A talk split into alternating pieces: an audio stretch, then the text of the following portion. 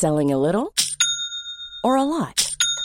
Shopify helps you do your thing however you cha-ching. Shopify is the global commerce platform that helps you sell at every stage of your business. From the launch your online shop stage to the first real life store stage, all the way to the did we just hit a million orders stage. Shopify is there to help you grow. Shopify helps you turn browsers into buyers with the internet's best converting checkout.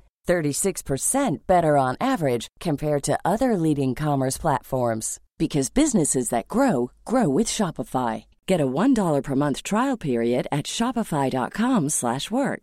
shopify.com/work.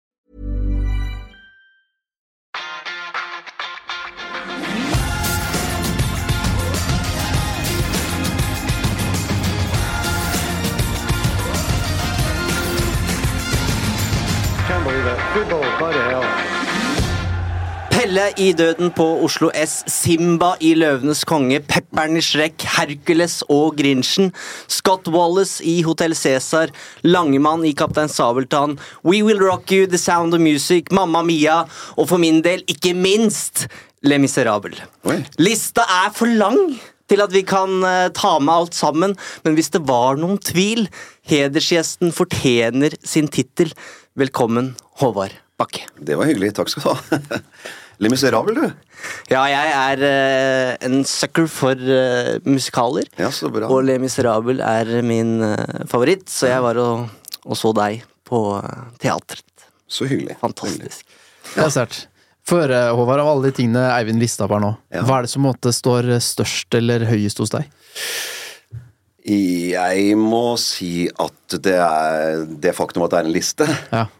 Fordi jeg starta da jeg var 15. Ikke sant? Eller 15-16. Og det å sitte her da og bli 50 nå i april, og fremdeles liksom være godt eh, i sving som frilanser, og at det er stabilt, og at det blei jobb og yrke og karriere, det syns jeg er ganske stas. Og det tror jeg nesten jeg er aleine om i Norge. Og, og, og begynt så tidlig og holdt det gående. Det er jeg veldig stolt av, og jeg veit liksom hva det har krevd.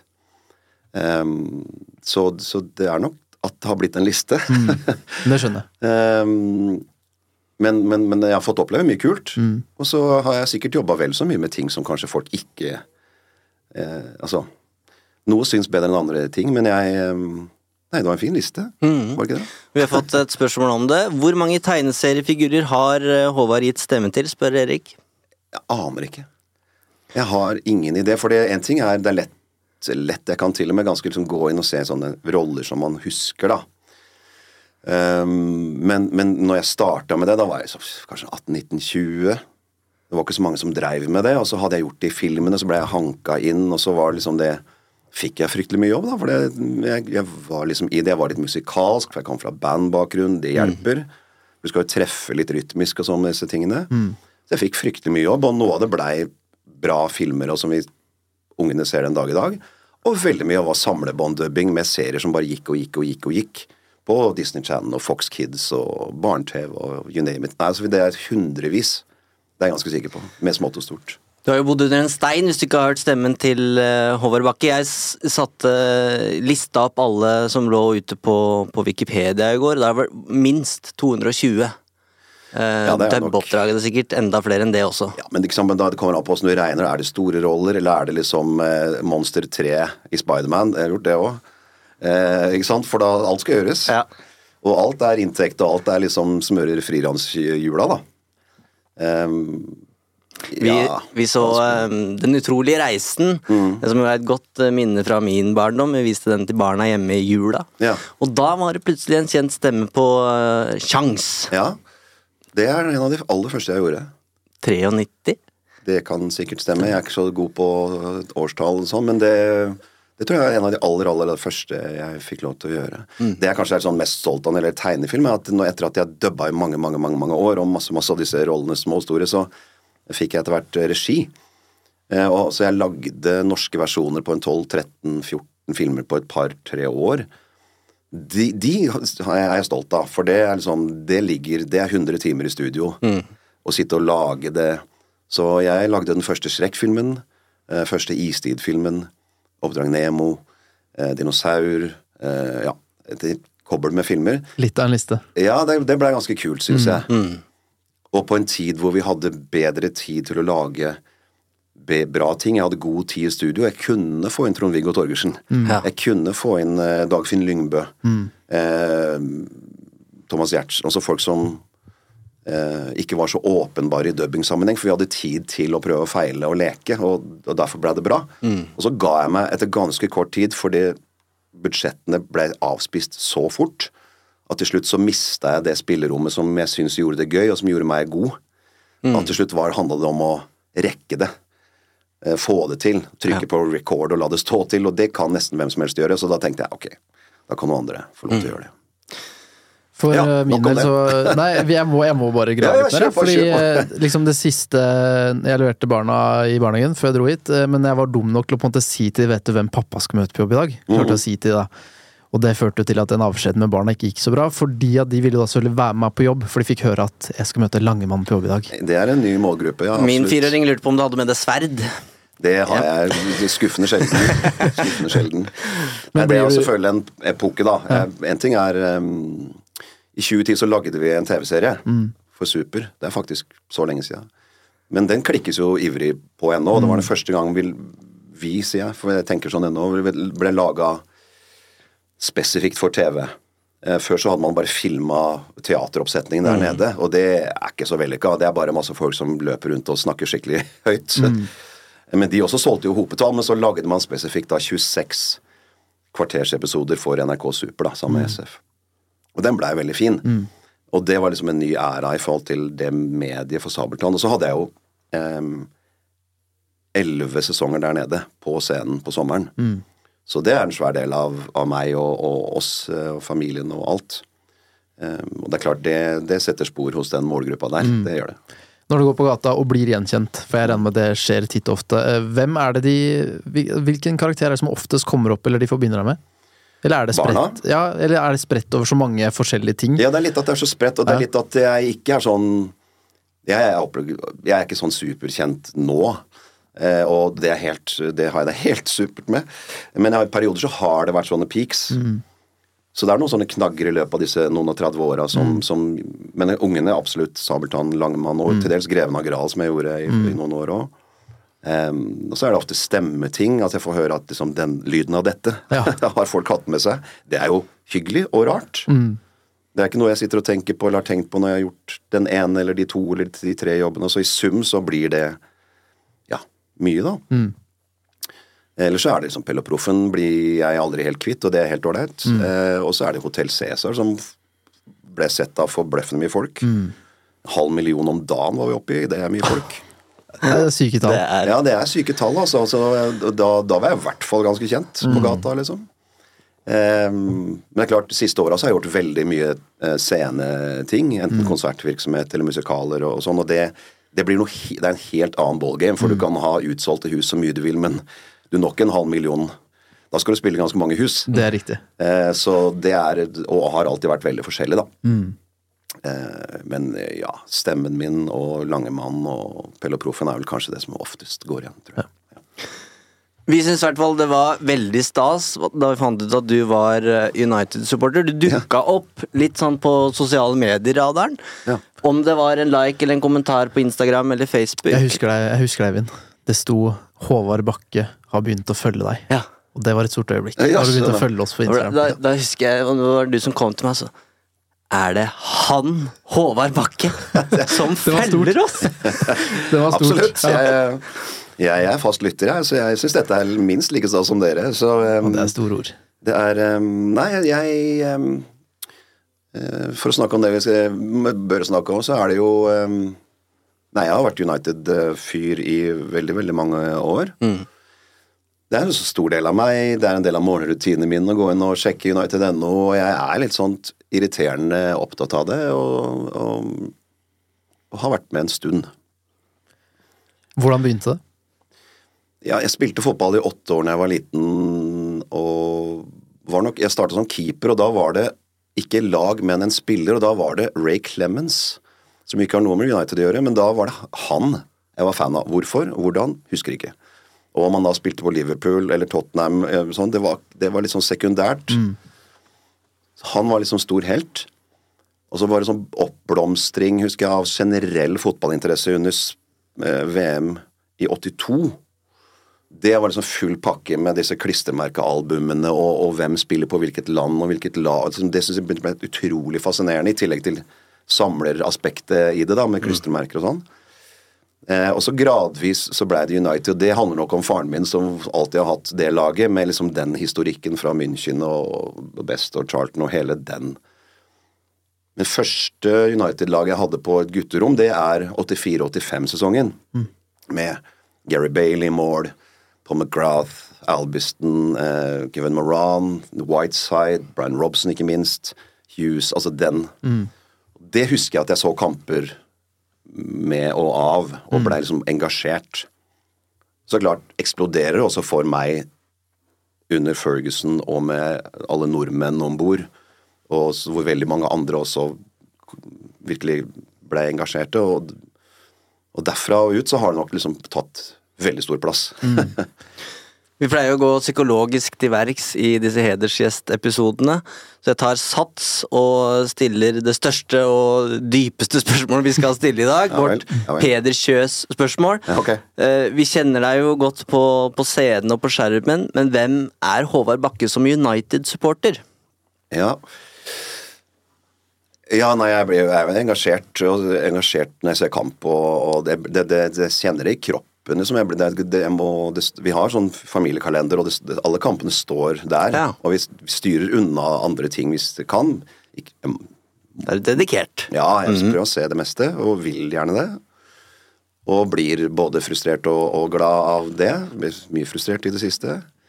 Men så er det sånn, jeg tror både dere og veldig mange som hører på, ville slått meg lett på en quiz, for jeg er ikke noe sånn Ja, men jeg, kjempegod jeg, på kan si. Kilder sier til eh, Uno at du er en ganske nerdete fan. Ja vel, det kan nok hende. Jeg er nok veldig interessert og engasjert, men eh, jeg tror, ja, jeg tror ikke jeg hadde hjulpet dere på et quizlag, altså. Men dedikasjon og Det hadde vært gøy å er- prøve, da. Lage Ja. quizlag en gang. Ja, Håvard ja. Team Håvard Bakke. Jeg, tror jeg, jeg tror jeg hadde heia mest da, men eh, Nei, jeg husker nok en del ting, men jeg, det er ikke det som, som trigger meg. Men, men nei, jeg har tenkt litt på det, spesielt når jeg skulle hit, liksom, for det Hvorfor det fremdeles tar så mye plass i meg, da. På godt og vondt. Em, jeg syns det er fascinerende, og nå er det jo fascinerende litt sånn negativt fortegn, men jeg slipper liksom ikke helt tak i det der engasjementet, altså. Og har jeg ikke gitt opp på disse ti åra, så gjør jeg vel ikke nå heller. Man gjør ikke det. Ja, du kom jo inn nå i en periode hvor det var eh, trøblete. På 80 80-tallet der. Ja. Eh, ja da, jeg, men jeg, men jeg husker ikke den romantiske rundt Ferguson inn og den FA-cupen. Det, det har ikke jeg noe bilde av, for da drev jeg nok med andre ting. Og, og min generelle fotballidenskap. Jeg spilte, og det var jo så viktig, jeg spilte da på Dravn i Drammen og Harsnum i Bærum og Norway Cup og alt. Jeg var aldri spesielt god, og så kom man i en alder hvor du må enten satse eller velge andre ting, og da dukker liksom musikk og rock'n'roll opp i mitt liv, og jenter, og så tenkte jeg mm, ok, denne stasjonen går jeg av på, så kan dere spille fotball. Nå tror jeg fotballen har klart seg helt fint uten meg. Um, så det er sånn faser i livet hvor man er mer påskrudd enn andre, da. Vi, må ta, vi har fått et spørsmål fra Bjarte, kollega Bjarte, og han Ja. er jo eh, poetisk i sitt yrke, så og det går litt på det du snakker om nå. Du har for så vidt svart litt på det, da. Men eh, ok. Døden på Oslo S kom ut i 1990. Mm. Det var også året da Tyskland ble gjenforent. Nelson Mandela løslatt. Irak eh, invaderte Kuwait. Og arbeidet med å utvikle World, World Wide Web startet for alvor. Men dette var også året eh, der Ferguson vant sitt første trofé med United. Hva husker Håvard best fra dette året? Og trodde han at Harry Hole ville dø i slutten av boken Gjenferd, der han leser lydboka? Eh, ja, det var flere spørsmål. Ja, to Eh, vidt forskjellige spørsmål. Nei, igjen da, det er sånn faser. Akkurat i 1990 så hadde jeg nok ikke så mye tid til å sitte og se United. Da kokte det bra, øh, og det gjorde det i 92, nei, 1 og 2 og 3. Så da var det nok mindre fotball, selv om både Tommy, proffen, og jeg er United, så vi har liksom sett mye fotball sammen nå, da. Jeg tenkte at Harry Hole øh, tenkte at her er det ingen som har råd til at han dør ennå. Denne serien er ikke ferdig, men det virka veldig sånn.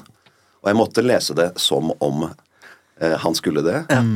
Uten at jeg hadde fått noe svar på noe annet. Nå er jo alle lest av Dennis Storøy, så min versjon er nok eh, ferdig. Men jeg husker ikke spesielt mye fra det første trofeet til Ferguson, nei, annet enn at jeg vet det sånn rent historisk. Ja, og det har nok som sagt litt om livsfaser å gjøre. Altså. Da, da var jeg busy med, å, med andre ting. Nå var jo mediedekningen på den tiden litt annen enn den er i dag også. Absolutt. Men husker du noe av da eh, Fergus var under press og enkelte fans eh, krevde hans hode på et fat? Nei, ikke annet enn historikk nå. Eh, og ja, hvorfor? Aner ikke. Nei. Jeg kan bare gjette at jeg virkelig holdt på med andre ting. Det jeg husker, som er den første sånn kampen jeg husker at jeg ble ordentlig engasjert i, vi tidligere, og det er FA Cup-finalen i 85. Eh, hvor de vel slår Everton med ti mann. Eh, og da er jeg elleve år gammel. Kevin Moran blir utvist som førstemann i en FA Cup-finale. Men de vinner. Northern Whiteside scorer. Og det var en sånn dramatikk i fotballkamp som jeg husker, som jeg husker kjempegodt. Og som sikkert bidro til at jeg blei engasjert. da. Eh, Det husker jeg mye sterkere enn enn det som har blitt viktigere sånn historisk sett uh, seinere. Og så er jeg jo veldig om bord, som sagt, på det klassiske treble-sesongen, og, og da, da hadde jeg liksom season reviews og så det om. Men det, det, da, da var jeg liksom hekta. Så setter du DHS-er og sliter ut ja. noen sånne, du òg? Ja, det, altså? Og det er klart Solskjærs navn har blitt nevnt et par ganger i denne podkasten, men, det er men det er jo noe forferdelig romantisk ved det først, liksom, med, med alle de som var der og leverte så bra. Eh, Og selvfølgelig München-målet og alt det der, men, og så, det er, men det er jo Hva er oddsene for det, liksom? Det er, det er klart, det er klart vi blir engasjert av det når vi kommer fra lille Norge. Noe annet ville vært fryktelig rart, syns jeg. Det hadde jo det. det. Ja, det er der det starta for min del. Så det Ja, helt riktig. Lest Solskjær-boka òg, du? Lest inn, ja. Ja. Ergud, Ergud har lest den. Ja, det var jo Alsaker sin. Ja. Uh, ja, den var jo helt grei. En for laget? En for laget, ja. Ja, den var jo ikke spesielt dyptgående, men det var jo litt garderobeting og litt sånn rundt egentlig kamp for kamp i hans uh, Var det hele hans periode? Det er interessant nok, det. Jeg lest, leser gjerne sånne ting, faktabaserte, som er fotball eller musikk. Eller, det kan være litt random hva jeg leser, egentlig. Du nevnte mange av spillerne på laget da du begynte å følge med på United. Av de eh, som spilte på den tiden her, hvem var den største for din del? Altså, Brian Robson var spesiell. Eh, og nettopp det der med at han var på England, og du skjønte liksom storheten til noen uten at du egentlig kanskje skjønte det helt. da. Men han husker at jeg syntes var spesiell, og syntes det var spennende med Whiteside, for han var så ung. Eh, det er kanskje det jeg husker best. for, fortell meg, fordi det, det var en lavodser at du skulle svare Brian Robson. Men fortell til meg som aldri har sett han spille. Jeg har sett YouTube-klipp. Men det er, det er ikke en mann i alderen din som ikke syns han var spesiell. Mm. Yes. Fortell meg, hva var det som var så spesielt? Ja, nå ber du på en måte en 11-12-13-åring Ja, men du, men- som men- du husker det, da. Det, er, du, du, det, er, det er noen der ute som spiller og som er gode på det og kan score mål, og sånn, så er det noen som bare er, er Du skjønner at det er noen som er sjef der ute, og som styrer butikken på forskjellige måter. Keen med en helt annen type autoritet og tøffhet og råhet og sånn, som jeg også elska. Men det var, sånn, det noe, var noe sånn elegans over den. Eh, I tillegg til at du så at han jobba som bare det, men han hadde liksom Jeg liker jo folk som har den derre den autoriteten uten å måtte brøle så høyt. da. Folk hadde respekt for han både på og av banen uten at han trengte å be om den hele tida. det, det liker jeg i hvert fall nå. Jeg kan hende at det var det jeg likte da òg. Jeg har vært så heldig at jeg har spist middag med Brian Robson. uh, og da følte jeg at uh, det, det er ikke rettferdig at jeg sitter i den stolen her uh, akkurat nå. Det var et arrangement på en pub i Bergen, eh, en sånn Q&A. Det gikk kjempefint, og som, som du sier, veldig eh, Det er en aura der, en autoritet, en naturlig autoritet, men utrolig varm, og på en måte Det spilte ingen rolle hvem eh, at, at jeg var en nobody for han, da. Det Eh, overrasker meg ikke. Det er litt sånn, det er litt det han utstråler òg, Ja. syns jeg. Og jeg liker jo per definisjon sånne folk veldig godt. Um, bedre å la beina snakke enn kjeften innimellom. Og så følte jeg på at den Det var Bjarte som skulle sitte der, for han har jo det samme forholdet til Robson som det du har, men han kunne vel ikke komme over fra London, eller hva det var, så jeg følte at eh, det er egentlig feil mann som gjør det her. Um, men vi har snakka om det, Fredrik, at det er en fyr vi egentlig burde lagd en spesialepisode på. Fordi det er så mange av dagens, fra vår generasjon da, og enda yngre, som ikke skjønner hvor uh, vanvittig han var, og grunnen til at han på en måte ikke har det samme omdømmet som Cantona og de resten av gutta, er jo fordi United ikke vant noe særlig, rett og slett, i hans storhetsperiode. Og de hadde i hvert fall ikke vunnet noe uten, Nei. tror jeg. Eh, så ja, nei, det tror jeg dere med, med hell kan gjøre, og som treffer mange som er på min alder og, og oppover. Da. Vi må takke Bjarte for et veldig gøy og sammensatt spørsmål. Og så må jeg takke Bjarte for at jeg skjønner mer av økonomien rundt United Ja. for tida. Og hva dette faktisk, eh, hva som foregår og hva- som Det, det syns jeg er så deilig, de, de tingene som han lager for dere. òg, fordi det er litt sånn eh, økonomi for dummies òg. At det, hva er det egentlig det betyr det, da? Eller hva kan det bety eh, på kort sikt, lang sikt og sånn. Så, så ja, takk, takk til Bjarte for det. Han har lært mange, han, om hva som skjer i regnskapene til Manchester United. Eh, vi har fått mange spørsmål, eh, Håvard. Okay. Mange om karakterene dine, som vi skal komme litt tilbake til. Kjør på. Eh, men et av de er, handler om hverdagen din. Eh, Rekker å se alle kamper med tanke på skuespiller- og artistkarrieren din, spør Andreas. Eh, ja, jeg ser det jeg kan. Eh, hvis ikke det er helt kokosfamiliært. eh, og jeg, jeg må jeg, Ja. Tar de hensyn, men, men de lar meg også se hvis det står i kalenderen og det passer, på en måte. Eh, For du har en kalender? Ja, vi har en familiekalender hvor alle kampene blir plotta inn, ja.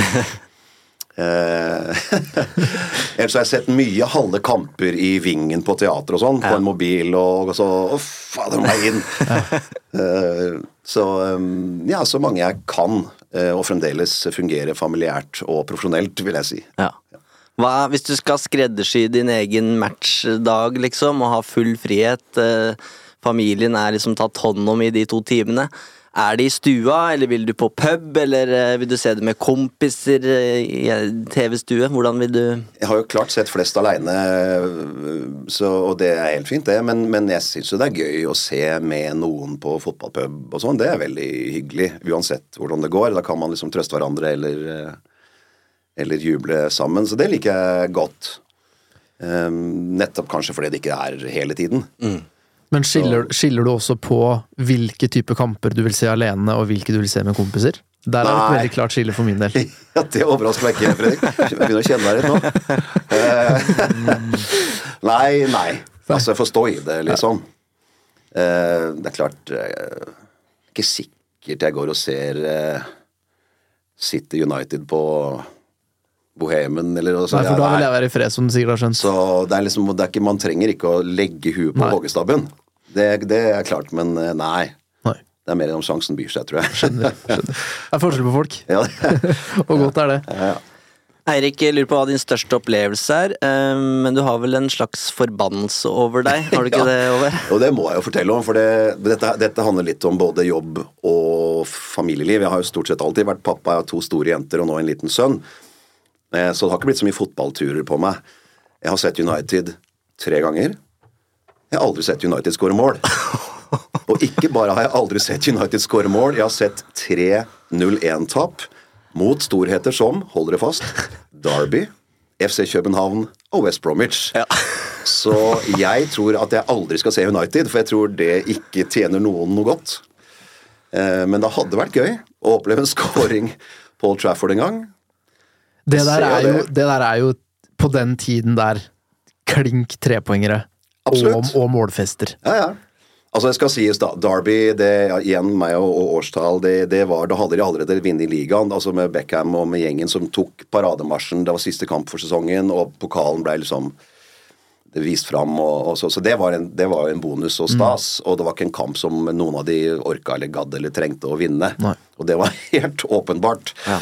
Eh, så, så det var ikke så farlig. Men klart 0-1 i parken og sånn, det var skrell. Kaldt?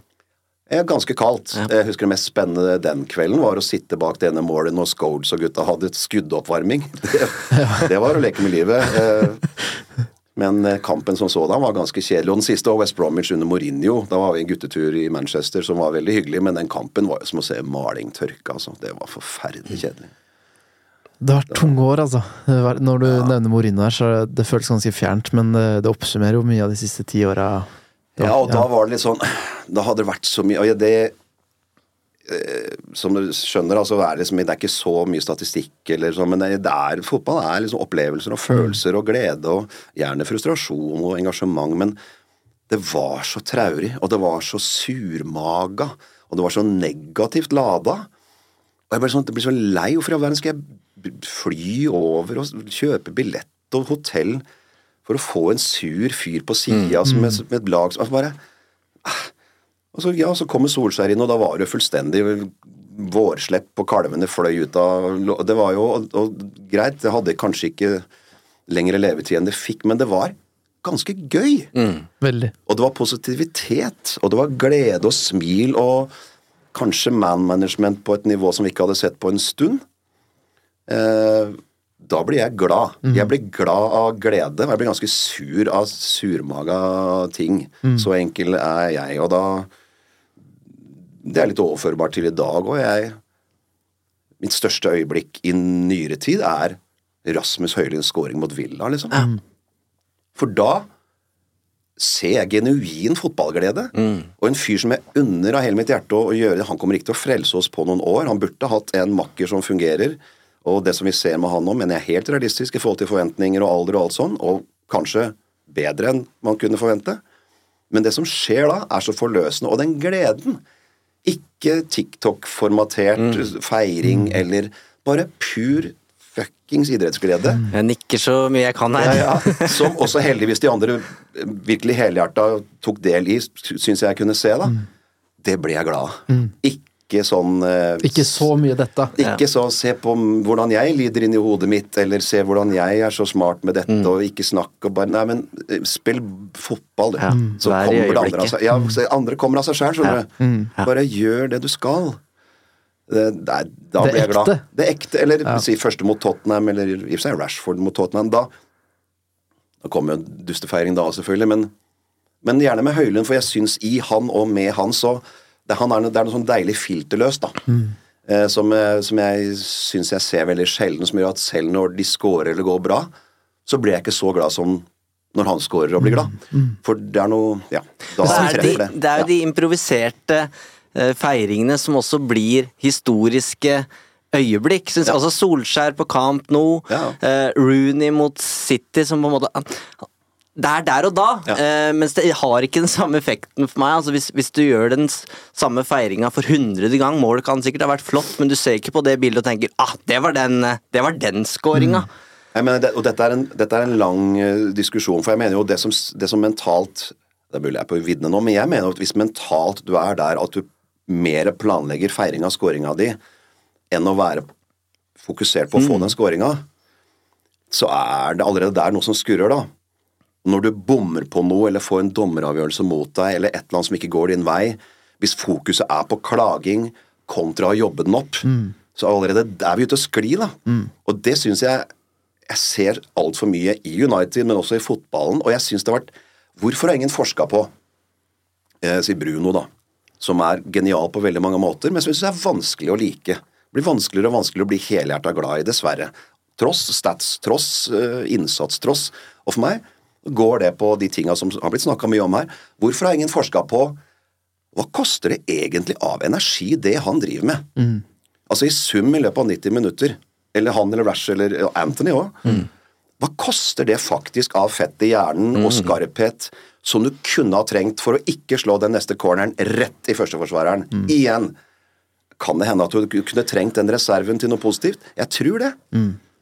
Godt poeng. Ikke minst fokuset. Ja, ikke Ja, minst hvor det smitter Hvor- hvor- over da, på og, alle andre. og selvfølgelig er jo- smitteeffekt, spesielt med båndet på kapteinen. Altså, jeg syns det der har så mye å si, og jeg, jeg øh, er ikke noen god fotballspiller, eller kan ikke nok om det, men jeg jobber også ganske mye med gruppedynamikk. Mm. Og det, selv når du spiller Le Miserable eller hva du nå spiller, du trenger ikke bare han som scorer eller tar den høye tonen, du trenger et helt ensemble som gir deg en opplevelse i nærmere tre timer. eller så detter du av, og kjøper i hvert fall ikke billett igjen, Nei. for det er ikke nok. Ikke sant? Og det å spille hverandre gode og være en gjeng som løfter dette til noe annet, det er viktig. Eh, og det syns jeg ikke alltid ensemblet United er så gode på, da. Nå har du vært innom eh, noen enkeltspillere og litt sånn, eh, og vi er jo i et Skal vi tro det, at vi er et veiskille i historien her? Inni oss er på vei inn med sir Jim Ratcliffe. Hva, hva tenker du om eh, det som foregår Paul Trafford eh, akkurat nå? Ja, måtte du ha rett, for det, er, for det å fortsette uten noe nytt Det, det, det, Det hadde ikke fungert. Nei, det er ingen annen utvei, liksom. Og jeg Mulig jeg er naiv, mulig jeg er romantisk, men jeg syns jo måten de har startet dette på, måten de fremstår, måten de gjør seg tilgjengelig på, eh, kjøper United We Stand, gjør, snakker med pressen, snakker med ikke minst staben og sier hei, dette er en spade, den kalles en spade. Det tror jeg fungerer veldig bra. Og jeg, eh, men, men at det kommer til å ta tid, absolutt. Eh, Og mye lengre tid enn både jeg og andre øh, skulle ønske. Men jeg syns vi ser noe genuint i det. Ja, pengefyrer. Ja, businessmenn. Men det er noe som vi ikke ville fått med Kuwait, tror jeg. Ja. Det gjør meg glad. Det handler heldigvis, i hvert fall for meg, om mer enn bare penger og mer penger. Mm. Jeg syns ikke, synes ikke penger har tilført veldig mye i fotballen. I hvert fall ikke når vi kom fra, eller til et visst nivå. Derfra videre så har det bare spora av. Jeg skulle ønske det var lønnstak jeg, i Premier League. Bare, bare 100 000 i uka. Da tjener du bare 50 mill. i året, stakkars. eh, liksom. Hva i all verden skal du med 250 000 pund i uka, da? Hvem, hvem, det er ingen som og derfra og, og Da syns jeg bare det, det drar negativitet og feil fokus med seg. Eh, men ja, jeg er 50 år gammel. Men, men eh, sitt og se på Jeg elsker jo Welcome to Rexham. Ja. Uh, ja, det er en Hollywood-historie. Ja, det kom penger inn der. Men den dokumentaren handler om at det er to fine fyrer i bånn. Men også Det er jo historien om en by. Det er historien om en klubb, om en bane, om puben, om hun, om han, om mennesker, og om fotballkjærlighet og glede. Jeg blir så glad av den serien, og så snur jeg meg for å se på Manchester United, og så skjønner jeg hvor langt unna vi er. Ikke sant? Og alt som kan minne om det, eh, som vi ser i den dokumentaren, eller fra non-league, da, eller fra lavere Det syns jeg er så mye hyggeligere enn veldig mye av det vi ser på det nivået vi befinner oss på nå. La meg spørre deg, fordi um, sir Jims inntog i United nå, det, jeg hører at det gir jo et håp i deg. Men for min del personlig så er det så mange ting som har skjedd i løpet av de siste ti årene, som har gitt meg fornya håp. Mm. Så fremsto dette helt annerledes, og kanskje for første gang en god grunn til det jeg vil si er et mer realistisk håp. Men det at du nå håper igjen, skremmer det deg litt også? Nei. Nei? Ehm, for dette ehm, Dette syns jeg det er hold i. Dette er på en måte Mm. Men har du håpa mye tidligere også? Mm, Har du Jeg tenkt at at si- Mourinho kommer og det ordner seg, Nei. eller? Nei. Jeg fikk det blodet brusa ikke hos meg, verken med Nei. van Gaal eller Mourinho som fortegn, altså. Moiste. Han stakkar det, det, Han kunne jo ikke vinne. Nei. Altså Han kunne jo ikke vinne uansett hvor god eller dårlig jobb han gjorde, kan man analysere, men det, det var helt umulig oppgave. Og den stallen han også fikk i fanget, det var en gjeng som overpresterte på det siste ligagullet, så det, han fikk ganske dårlig kort på hånda. Det, Men uh, Nei Um, Så håpet nå er eh, Det er eh, Det, er alt- noe i det. Ja, det synes mm. jeg. Alt det andre har vært å prøve å plastre et knekt bein liksom, hele tida. Og nå er det liksom et lengre sykeleie. Uh, som gjør at jeg i hvert fall syns det er litt mer grunn til å håpe på sikt. Jeg tenker at nå er det en ren, frustrerende ventefase. Og alt som skjer av positivitet nå, som vi kan ta med oss, er bra.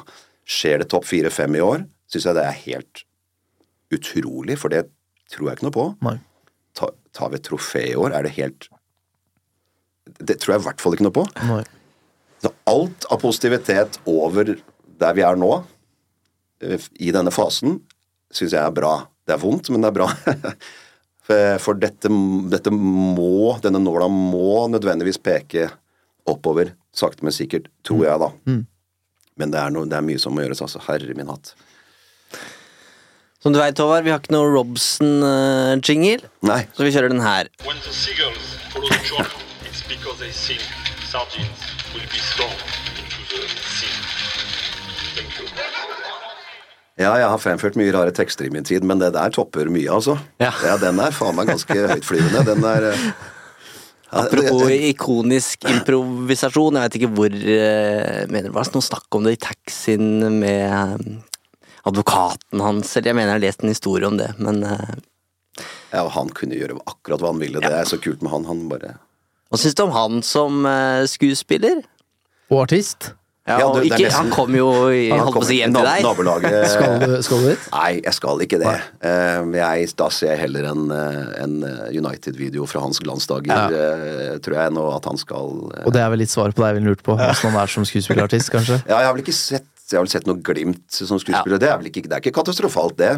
Men jeg trenger ikke å få en helaftens konsert med Cantona, tror jeg. Nei. Det tror jeg kanskje ville ødelagt eh, bildet bedre, mer enn å bidra til det, for min del.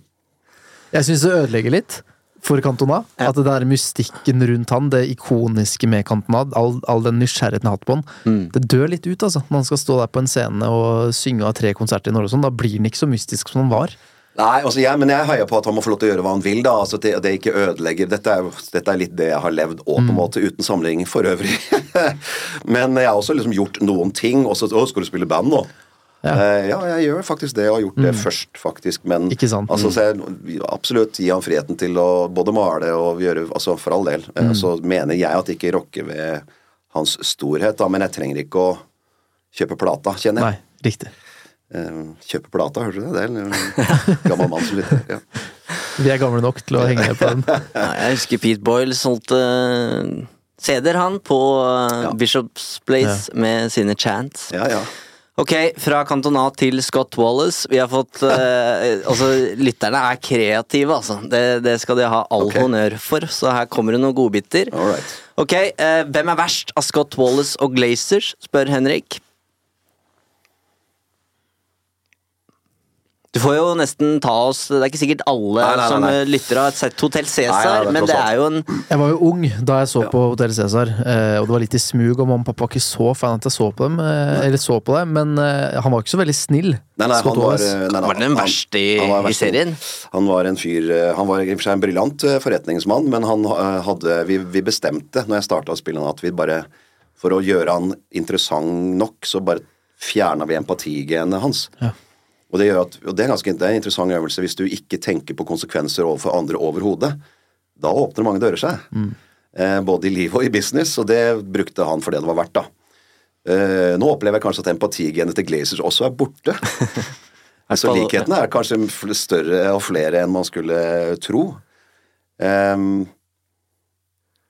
jeg eh, Det er ikke noe noe syns- kompliment at du syns det er vanskelig å svare på henne for Glaze-familien. Jeg Det er syns nesten de er verst, ja, for de utgir seg for noe annet, på en måte. Ja. Eh, eller de, de For han var det på en måte etter hvert liksom, hvert fall rene ord for penga. Det er mer enn du får fra de, altså. Reinspikka ond, ja. Jeg trodde det var Scott Wallets eller Scott McTominay. Ja, det Ja. jeg spent på. Ja, Men der, er- der er svaret enkelt, vel. ja, det er, ja. Nei, stakkars han, da. Han, eh, det er ikke hans skyld at han blir plukka første hele tida. Han gjør så godt han kan. Eh, Er Scott Wallace også United-fan, spør eh, Nikolai. Eh, Det frister bare å si nei på det og gå videre. Nei, men han var skotte, så han Ja. Det tror jeg vi hadde Jeg tror oh, ja. det var Jeg tror det var Det tror jeg faktisk vi hadde en scene på. Vi snakket, Jeg husker ikke om det var Rangers eller- Celtic som var laget hans, men et av de. Ja. Så han er skotsk, ja. Får du déjà vu til tiden i Hotell Cæsar når du følger med på United om dagen, spør Erik. Ja, det er omtrent like dårlig drifta til tider, så svaret er ja. Det er noen paralleller der òg. Kanskje litt mindre utroskap og sånn i, i gangene, for alt jeg veit, men eh, Litt intriger er det i United òg. litt intriger er det i United òg, ja. Litt kjedeligere persongalleri, det er det. Det er det. Vi går til et informantspørsmål. Eh, hvilken middagsrett ville Håvard servert sin favorittspiller? Oi. Uno kan nemlig avsløre at eh, Håvard Bakke er en svært god kokk. Ifølge våre kilder. Har du kilder på det? Jeg er i hvert fall glad i å lage mat. Um, ja, hva skal jeg lage da? Jeg Og eh, hvem, kanskje? ja, altså, hvem på- er din favoritt-United-spiller? Om det er Robson, da, eller um... Ja, det kunne vært stas, eh, det. Jeg skulle gjerne hatt en middag med Solskjær òg. Altså, apropos, jeg tror det hadde vært hyggeligere med de folka du kan prate litt med. Ja. Um, og ikke sitte og liksom, gå på nåler det, og, liksom, uh, og hva som er greit og ikke greit. Nei, jeg lager jo i og for seg noen gode pastaretter. Jeg er glad i å plukke sopp og bruke det i noe saus. Og, så, nei, det er ikke så Ja, nei.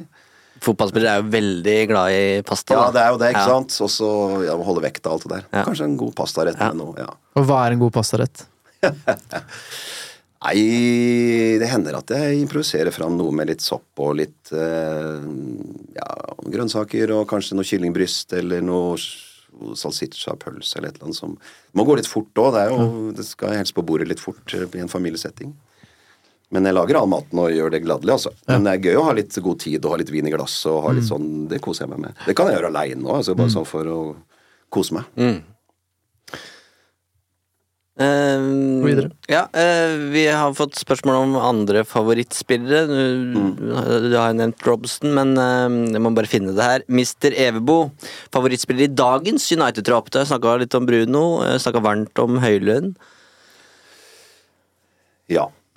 Eh, nei, det, det der er altså å heie på et lag, og så er det folk som det er Man, man heier jo på prestasjonene, men jeg syns det er vanskelig å liksom bli genuint fan av, av dem, eller Ehm, og der, i, den, i den potten der så ramler jo Bruno og Rashford og, i hvert fall Anthony og Ehm, Og da blir jeg, jeg blir glad i Lisandro Martinez fordi det er noe ekte der. Jeg blir glad i Høylund, som sagt, fordi jeg opplever at det er noe ekte. Er veldig lett å bli begeistra for Kobe Minu, selvfølgelig, for tiden. Ehm, fordi jeg opplever at de er der av de riktige grunnene, liksom. Ja. Det er ikke at De krummer nakken og, og, og, og går på istedenfor å tenke at hvis de får seg en smell, så åh, nå får jeg pes på sosiale medier, eller nå synker markedsverdien min, eller nå ryker Barcelona eller Real Madrid, eller meg, meg, meg, meg, meg, liksom. Og det syns jeg det er mye av. Noen er rett og slett ikke gode nok lenger. Altså, igjen, vi har jo kjøpt uh, halve fotball-Europa på hell de siste ti åra, syns jeg. Elska jo Varan før. Ikke sant? Eh, men han går jo stykker hele tida, dessverre. Uh, ja. Casemiro hadde jo vært en våt drøm for fem år sia. Og f god i fjor, men kanskje det er mer realistisk at han er som han er i år. Altså. Ja, igjen, da. Jeg håper at eh, folk får en litt annen policy på, på kjøp og Ja. salg. eh. Og Da kan vi jo gå videre til spørsmålet til Joakim, eh, som føler at Langmann er kapteinen til Sabeltann. og hvilken United-spiller er da mest lik Langemann? Ja, nå er de gode. Ehm, Langemann følger jo kapteinen sin eh, eh, som en skygge, da, og er veldig lojal og backer eh, sin kaptein. Kapteinen vår er Bruno, da. Det er jo det. Um, Men det er eh, Det må være lov å være litt skuffa over at det ikke er flere spillere som i hvert fall utad fremstår som ledere i den garderoben. Altså Ja. du, du nevner Varan. Vi har en uh, Casemiro som har vunnet alt som kan vinnes. Vi har en Rashford som skal være symbolet på hva det betyr å være Mancunian i Manchester United i, Ja. i 2024. Uh, men det er liksom bare det er jo Bruno som er kapteinen, som du var inne på i stad. Han flyr rundt der, tilsynelatende mer opptatt av dommeren og VAR og alt det andre som han ikke kan få gjort noe med. ja. Uh, og det, alt du ikke kan få gjort noe med, er waste of energy. Uansett hvordan du vrir og vender på det, i livet eller på fotballbane. Og det er ikke noe hjelp for han eller for noen av de rundt. Um, jeg syns det er interessant uh, Jeg vet at jeg sporer litt av, men hva i forhold til folk som kommer og underpresterer, da, eller som ikke har det bra i United Hvor stor del er United-kultur, som vi snakker mye om, og hvor stor del er personlighet og apparat? Der tror jeg det er sånn 50-50. Jeg syns det er urovekkende med Mount og den leiren nå. Det tror jeg Han opplever jeg ikke som en fyr som er i, i liksom i, i, i i pers det dårlige personlighetsbagen. Mm. Der er det noe som skurrer. ikke sant? Eget, eget medisinsk apparat. altså Møtt noe han ikke liker, som ikke hjelper han i sin fremdrift, som jeg opplever er med et, et riktig og oppriktig fortegn. da.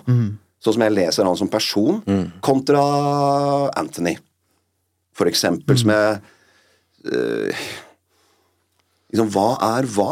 Mm. Den er vanskelig å knekke. Og hva er den dårlige kulturen? Er det da de andre personlighetene som tar over? Er det ræva treninger? Er det ræva fasiliteter? Hva hva, hva er de tinga? Er det det samme? Er det forskjellig? Hvem er i hvilken ja. Altså, en, en god, god idrettspsykolog hadde stått kjempehøyt på min ønskeliste. Ikke gå til venstre når det går til høyre, men liksom skru om noen mentale brytere, ikke sant. Det blir sånn, hvordan disse, altså Sancho, Anthony, Rashford og de blir frustrerte, og de går i, i, i, protest, og det blir det ene med det andre. Leser ikke sine egne statistikker, liksom.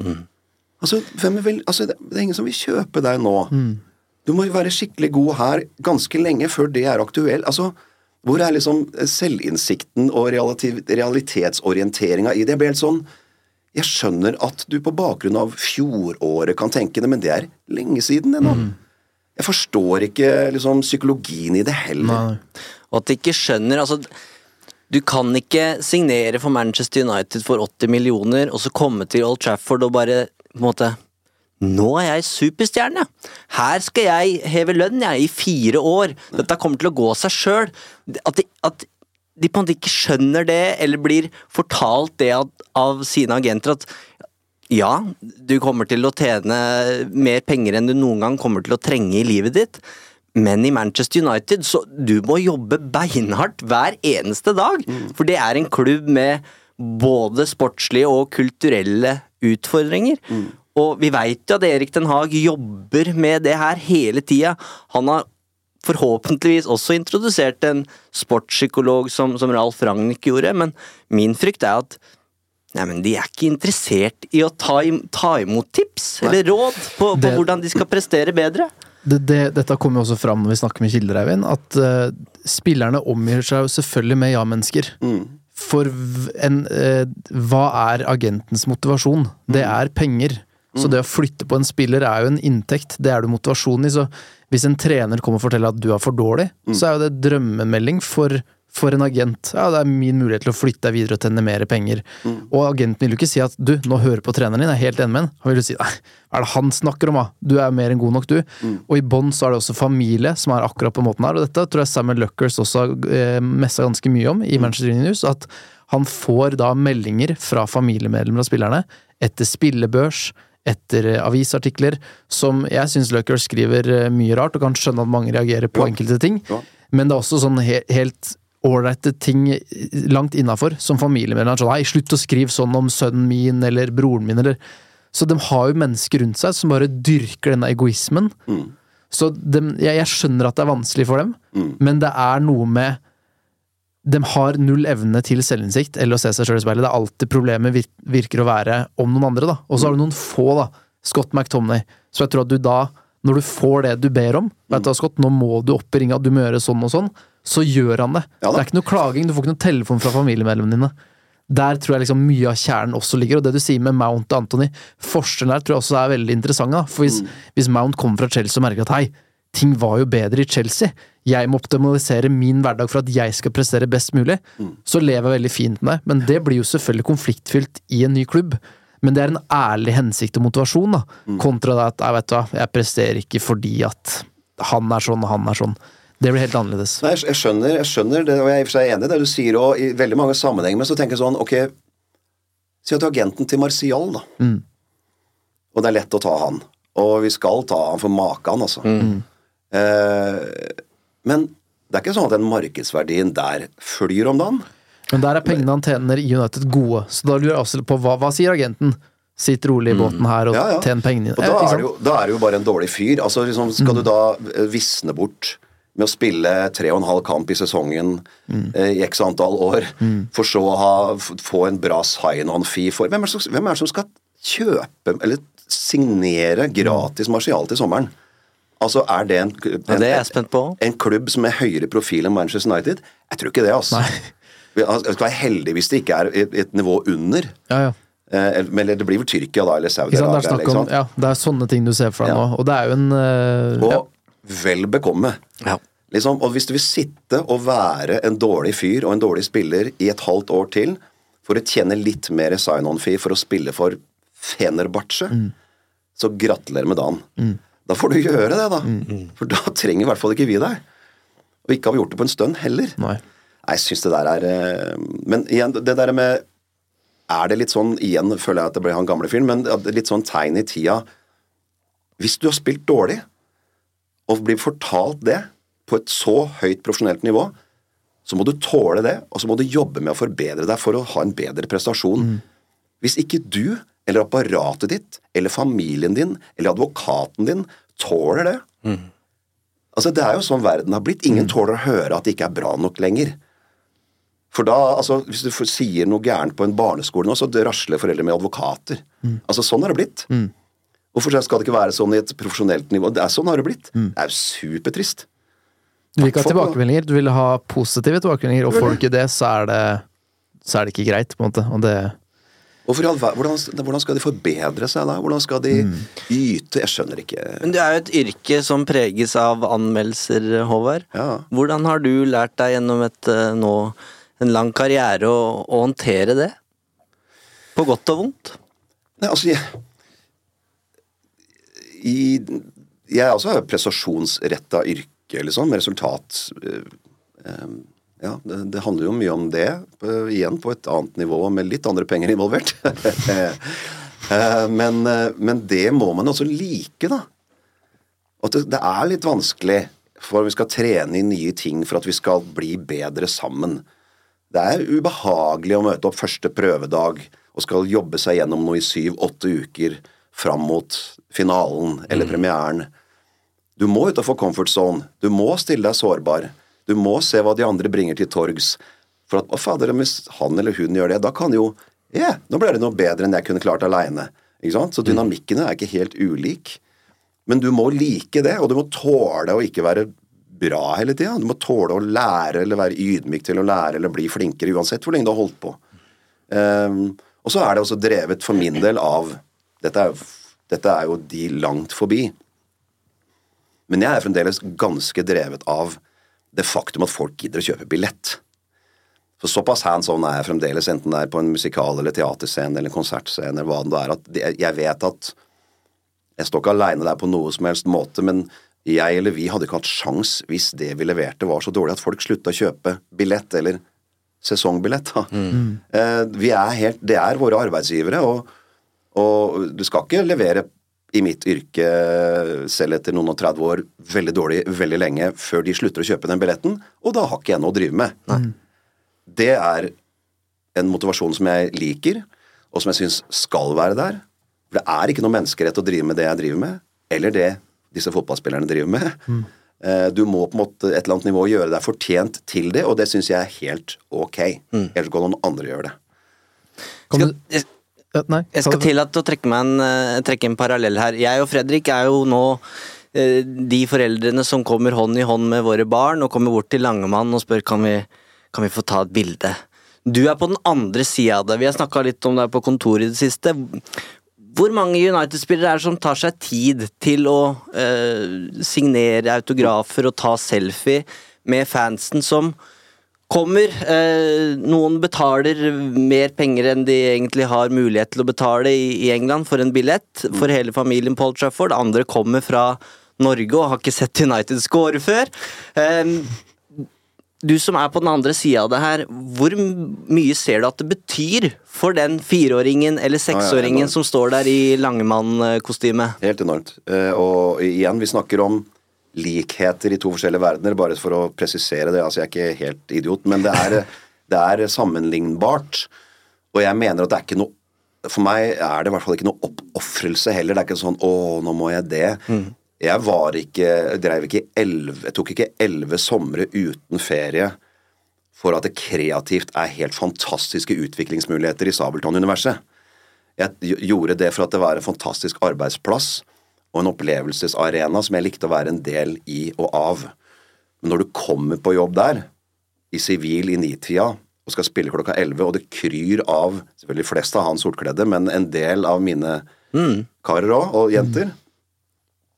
Det er inspirerende. Og, og det, det gjør at selv om vi spilte seks forestillinger i uka, de må, de må få. ikke sant? De, skal, de har, kommer fra Bodø og Alta og fra Trondheim og ikke sant? har satt, brukt hele feriebudsjettet på å komme til Kristiansand. Blant annet for denne opplevelsen skal jeg gjøre noe annet enn å innfri. For meg er det helt utopisk. Og for meg er nettopp de møtene der, da En ting er på scenen og, og, og livesetting, hvor jeg alltid satt og skanna ruta mi når vi seilte inn med Sorte dame. Eh, som man i og for seg aldri blir lei. Det er fett. det er fett. Det vet du. Eh, men, men så skal jeg jo liksom opp der og synge den låta, skal jeg opp der og synge den låta. Dette er jo lagt. Og da sto jeg konkret og skanna ruta mi for å se om jeg kunne finne Ah, der har jeg en. Der har jeg en. For da kan jeg live opp min hverdag, og ikke minst hans, ved å plutselig bare stå der. Ja. Og det er magi. Ikke sant? De sekundene der hvor jeg får øya til han fireåringen i mitt kostyme, og jeg er 1,90 høy, og han liksom ga Det er fett. Der er Langemann. Det er oss to. Foran meg. Det er oss to, liksom. Og så er jeg videre. Det, det der, og ikke minst når vi traff barn etterpå, veldig mye sånn meet and greet med eh, syke barn, eh, kreftsyke barn, barn med en tøff hverdag, eh, masse downs ba, Altså de tinga der hvor du faktisk får lov til å komme inn og gjøre en forskjell, da, i kraft av å være han sjørøveren med frakk og fletter, som man kan ha distanse til eller ikke, men det var for meg veldig mye av beholdningen i akkurat den jobben, da. Eh, Som gjorde at jeg sikkert blei der flere år enn en av det rent kreative. Det syns jeg var skikkelig, skikkelig fint å få lov til å være en del av. Det var veldig, det var veldig fint å høre på, Håvard. Ja, ja, så bra. Ja. det- Nei, men det er Igjen, dette handler om holdninger, da, og, og det um, Jeg blir 50 og har fått lov til å holde på med at det jeg elsker, blei yrket mitt i mange og 30 år. Jeg håper i mange år til. Det er ganske utopisk med han guttungen på, i gutterommet i Drammen, altså. Det, det var ingenting som skulle tilsi det. Og, og de rundene har jeg ofte med meg sjøl, derre Fy søren. Fy søren. Mm. Og, bare- og det er en reminder som, jeg, som holder meg i den modusen, og som jeg med hell syns at både Rashford og en del andre kunne ta ørlitt oftere. Bare det å høre at du er bevisst på at du har lyst til å skape de øyeblikkene som vil være Det vil være et livsvarig minne da, for den personen. Bare de møtene, det bildet, denne autografen eller det øyeblikket, men det at du også i en forestilling Du, du planlegger det, da. Ja, det syns jeg var utrolig fint å høre. Ja, det er hyggelig, det, og det, det syns jeg er viktig. Altså, det, gjør man, det kan man gjøre når man spiller den rollen rollen i den konstellasjonen. Da blir det viktig. Ikke sant? Og da, da er det en arena for å kunne gjøre det. Og vi snakker hundrevis av møter, altså. Og jeg Det koster meg fryktelig lite, rett og slett. Here's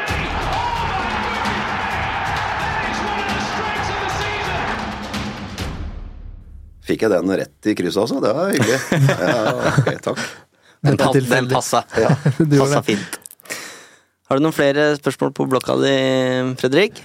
Um, jeg har jo gått rundt og nynna på Vitapro-sangen siden eh, du dukka opp som følger hos oss på Instagram, og det var jo mange år at den også var på TV, den reklamen der. Ja, det var det. Blei du lei sjøl?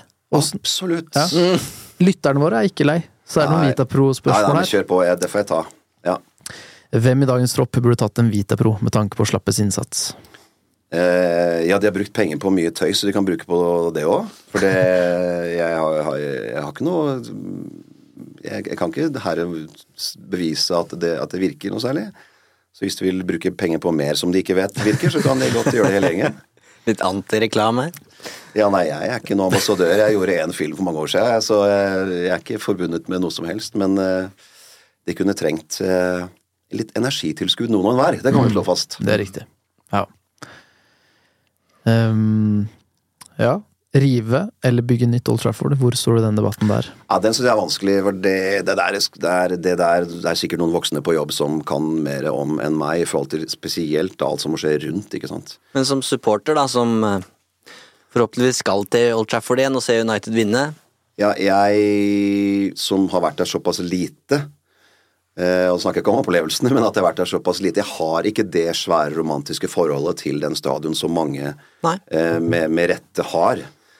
Og jeg må jo si, når jeg skal dit med min sønn om noen år, eh, og han er nå to, si at jeg skal om fem-seks år, da.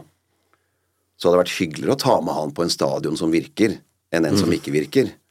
Og om den heter Old Trafford og har blitt oppjustert, eller om det er en helt ny, det er ikke så viktig for meg personlig. Jeg skjønner at det er det for veldig mange andre, og det har jeg stor respekt for.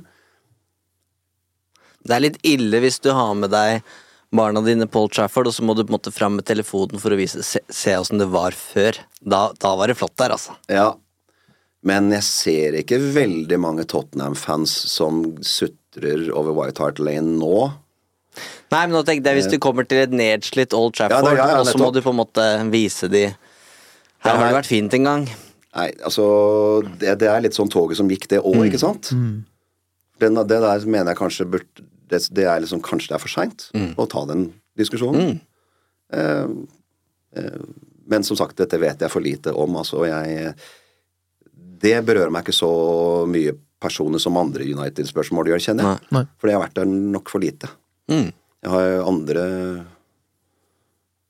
Ja, nei. Det, det får noen voksne på jobb ta seg av.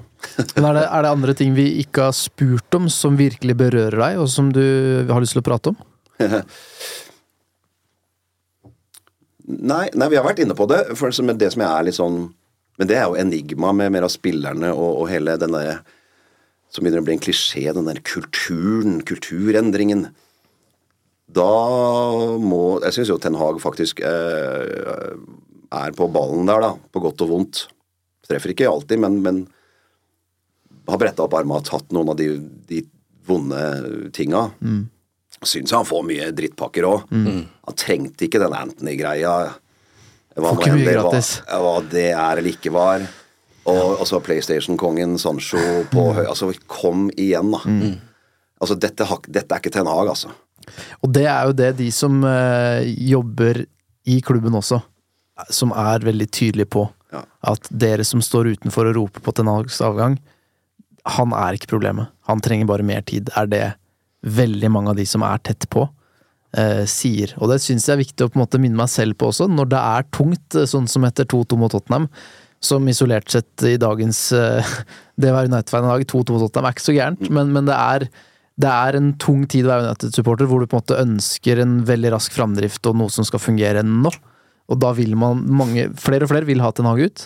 De som er tett på, de sier at han er ikke problemet, og du kan godt hente både Klopp og Pep, og ingenting vil løse seg. Men den kampen, den Tottenham-kampen var interessant, for den hadde på en måte veldig mange aspekter av hele Ten Hag-greia.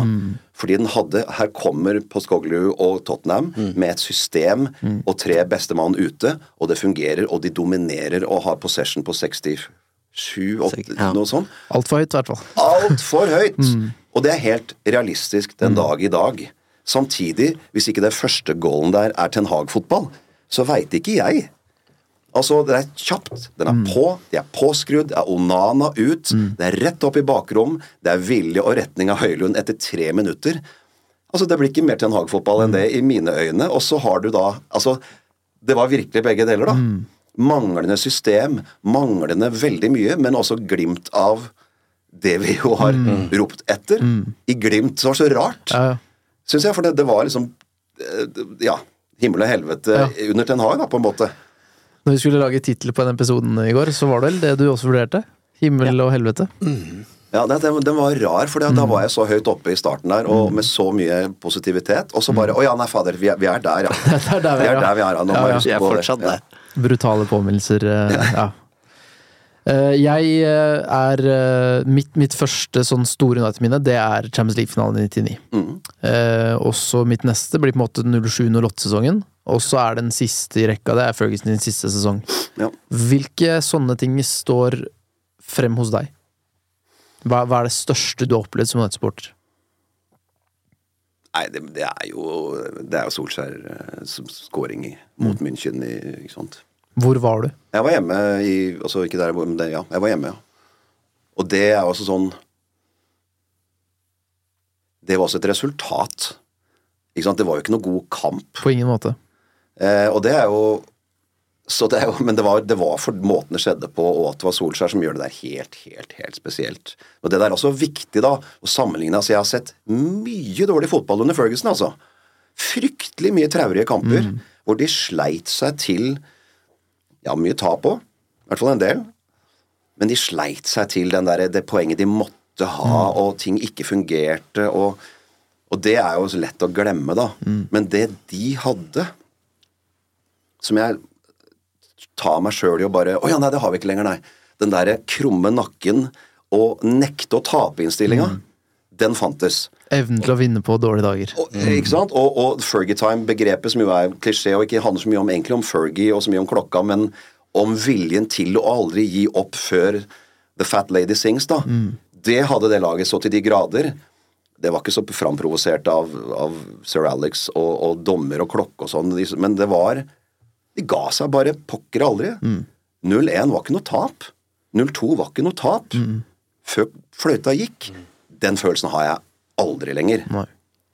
Og det handler jo om karakter og, og innstilling og, og tro, da. Det hadde det laget der så til de grader at de kunne snu veldig mye som så fryktelig dårlig ut på en dårlig dag. Det sitter jeg ikke og håper på nå. Nei.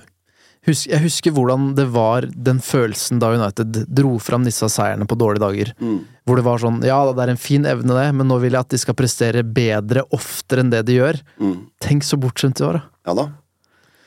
Og, ja da, men det er litt derfor jeg liksom, den der 3-2 Aston Villa, da, da fikk jeg sånt blaff av den der der.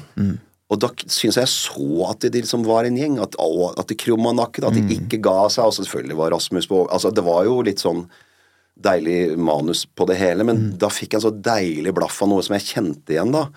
Og så kommer selvfølgelig neste kamp. Eh, eh, jeg, ja, jeg var veldig glad i det. Og det sto jo kanskje sterkest da Ole Gunnar eh, hadde sitt beste halvår der som manager, det første halvåret. Ja. Og jeg, si jeg eh, driver jo og samler skuespillere til spelet om Ole Gunnar Solskjær.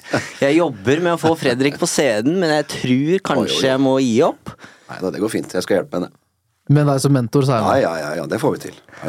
Men Håvard Bakke må i hvert fall på scenen. Og hvis du kan altså se for deg jeg tenker Her kan vi jo begynne, egentlig. Vi kan jo begynne når, når du blei United-fan, egentlig, på 80-tallet. Liksom, vi kan begynne med Fergusons inntreden og suksessen, og fram til Solskjær signeres i, i 96, og helt fram til, til uh, han er manager. Så rollelista her er jo enorm! ja, ja, ja. Så hvem, Håvard, hvis du kan velge fritt, hvis du skal stå på Nationaltheatret eller Folketeatret og, og være en av hovedrollene her i spelet om Ole Gunnar Solskjær, hvilken rolle vil du ha? Ja, Det kommer an på om man skal liksom gå på, på likhet eller på fysikk, eller Ja. om man skal motkaste og hva jeg liksom skulle ønske meg og sånn. Hvis jeg, sånn rent sånn fysisk så blir det kanskje Fantisar. For jeg liker er lag og fin. spinkel som han. Eh, og var keeper i noen år for 100 år siden. Eh, hvis jeg skal pleie eget ego, så har jeg jævlig lyst til å spille Cantona, selvfølgelig, og opp med kragen og være han kule. Hvis jeg skulle ha gøyale utfordringer, så kanskje spille van Gaal og falle litt på sidelinja og ha de så Der er det mye gull i teksten, da. Ja, Absolutt. Eh, litt vanskelig diksjon innimellom der. Ja, men du er en stemme, god stemmeskuespiller, og der trenger du litt aksent på Jobbe mot den der. nederlandske eh, Og jeg elsker når han liksom falt på sidelinja der, og det er jo komikk på et jævlig høyt eh, avansert nivå, altså. Det er ikke mange som gjør rett der. Ja, fy søren.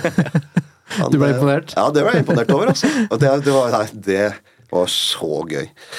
Um, nei, Så kommer det litt an på hvem som har regi og hva de velger. Skal det synges? har ikke så langt. Ikke sant? Ja, det er mye greier der. Ja.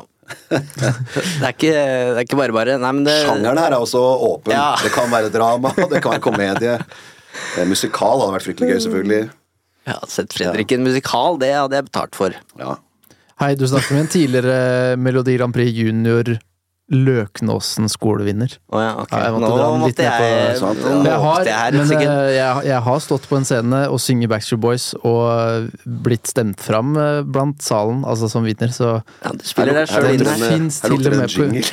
Den fins på YouTube, men dere finner den ikke. Ja da, så den ligger der Nå ute. skal vi Å, lete. ja, og Lykke til. Eivind går i dybden nå. Nei, men Veldig bra. Takk for besøket. Eh, hyggelig Dette var stort for oss, å være. Ja, du, det var kjempegøy. Og eh, måtte, måtte vi ha noe mer å glede oss over i tida som kommer. Ja, Veldig gode betraktninger. Og så er vi jo alltid på jakt etter en ny eh, hedersgjest. Vi må være ærlige på at det er ikke sånn kjempelett å identifisere hvem som er United-fans i, eh, i Kjendis-Norge. Eh, Så vi, det siste spørsmålet er jo alltid om du har noen tips. Eh, Og vi kan begynne med et klipp som jeg og Fredrik har merka oss fra Mot i brøstet. Og det er Sven Nordin som sitter i United-drakt og spiser potetgull og noe greier. Ja. Og det vi lurer på er om kunne Sven velge sjøl? Og valgte han da sitt eget favorittlag, veit du det? Jeg opplever at Sven ikke er så interessert i fotball annet enn Vålerenga. Han, han Ja. har jo, er jo veldig Jeg kan ikke huske at han har snakka så mye Jeg har jobba mye med Sven, altså, men Mm. snakka lite engelsk fotball. Nei, det er litt sånn Ja, for jeg er litt opptatt av at liksom du skal ikke liksom bare ha United som lag fra barndommen nødvendigvis. Det må på en måte være en del av hverdagen. Det må stå i Ja. kalenderen helst, da, som du er inne på. Ja da, nei, det, var, det har vært interessant, for mange sånne produksjoner har vært på Folketeatret, og, da, og i perioder har jeg vært den eneste United-fyren. Det har vært litt sånn, litt sånn, sånn veldig Liverpool-tungt ofte, og, og City, Arsenal um, Uh, Nei, tips sånn på stående fot, uh, som jeg vet er engasjert, er jo nylig pensjonerte kaptein Sabeltann. Uh, Kyrre Ja. Sydnes. Tenkte jeg det. Ja. Langemann og Sabeltann Ja. sto der, det hadde vært stort. Vi har snakka mye fotball i garderoben eh, under rare parykker. Eh, og han er engasjert og, og, og, og har fulgt med lenge. Um, det Jeg vet at Tommy Carlsen, proffen, også er rød. Um, Vi sliter veldig med å finne kvinnelige United-supportere også. ja, De melder seg ikke sjøl, og de er ja, vanskelig å det har vært veldig interessant. Vet du om noen? Ja, nå må jeg tenke meg om. Vi gir jo alltid her en eh, Og så kommer du på noen eh, i løpet av uka, så send oss en melding. Ja, men det skal jeg gjøre, for det, det har vært veldig ålreit med noen flere jenter inne uansett òg. Um, hmm. Så nevnte du jo Dagfinn Lyngbø. Ja, er han Jeg veit ikke. Eh, du jobber jo med han i istid. Eh, for 20 år siden? ja. Jeg skal, noe faktisk møte, United-snakk? jeg skal møte den til helga, faktisk, i Bergen. Så jeg kan Ja, spørre. spør. Men, eh, um, Trond-Viggo? kan ikke huske det. Terje Formoe? Nei. Trond Fausa Aurvåg? Nei. Nei. Da er, Nei. da er eh, bingoen min tom. bra. Ja. Ja, det er bra, det er bra. Jeg skal, nei, men, uh, nei, men Kyrre er nok det som jeg kom på først, for vi har snakka mye fotball. Og, og seinest når vi møttes bare for noen uker siden, tok et glass og mimra litt, så, så ble det fort United, ja. ja, men det er kjempefint. Det er et godt kan vi tips. Han tror jeg stafett, hadde hatt glede av dette. Ja. sender vi stafettpinnen videre dit. Ja, du får hilse fra meg. Jeg kan, jeg kan få nummer fra meg. Takk. Snilt, Håvard. Meget bra levert, og utrolig du, hyggelig å ha deg på besøk. Takk for meg. Det var det veldig. Eh, og hva er eh, Hva bringer høsten for skuespiller eh, Eller ikke høsten, men Nei, eh, på- vinteren og våren? Jeg skal tilbake på Folketeatret til påske og prøve opp igjen Sound of Music, som vi skal fullføre. For den var den første som ble stengt ned av covid, så den er liksom ikke ferdig spilt. Så da gjør vi det og spiller den ut juni. Og så skal jeg ut i sommer og gjøre litt festivaler med mitt band, altså som er jo et Springsteen tribute-band som jeg har reist rundt med nå på 18. året, faktisk. Oi. Som jeg fronter, med, hvor vi er ti musikere og gjør sånne tretimerskonserter når vi får lov, eller så gjør vi halvannen eller to timer. Så der, det er altså en guttedrøm, da. Eh, på høyde med å bli fotballspiller, så når jeg spiller rockefestivaler, da er vi, det er nesten Old Trafford for meg, altså. Ja, da er du the boss. Da er jeg i hvert fall eh, forvalter the boss.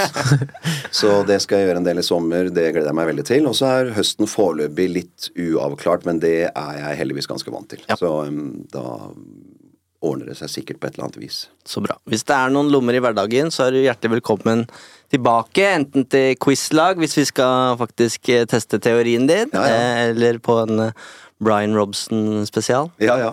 Du, vi holder kontakten. Dette var hyggelig.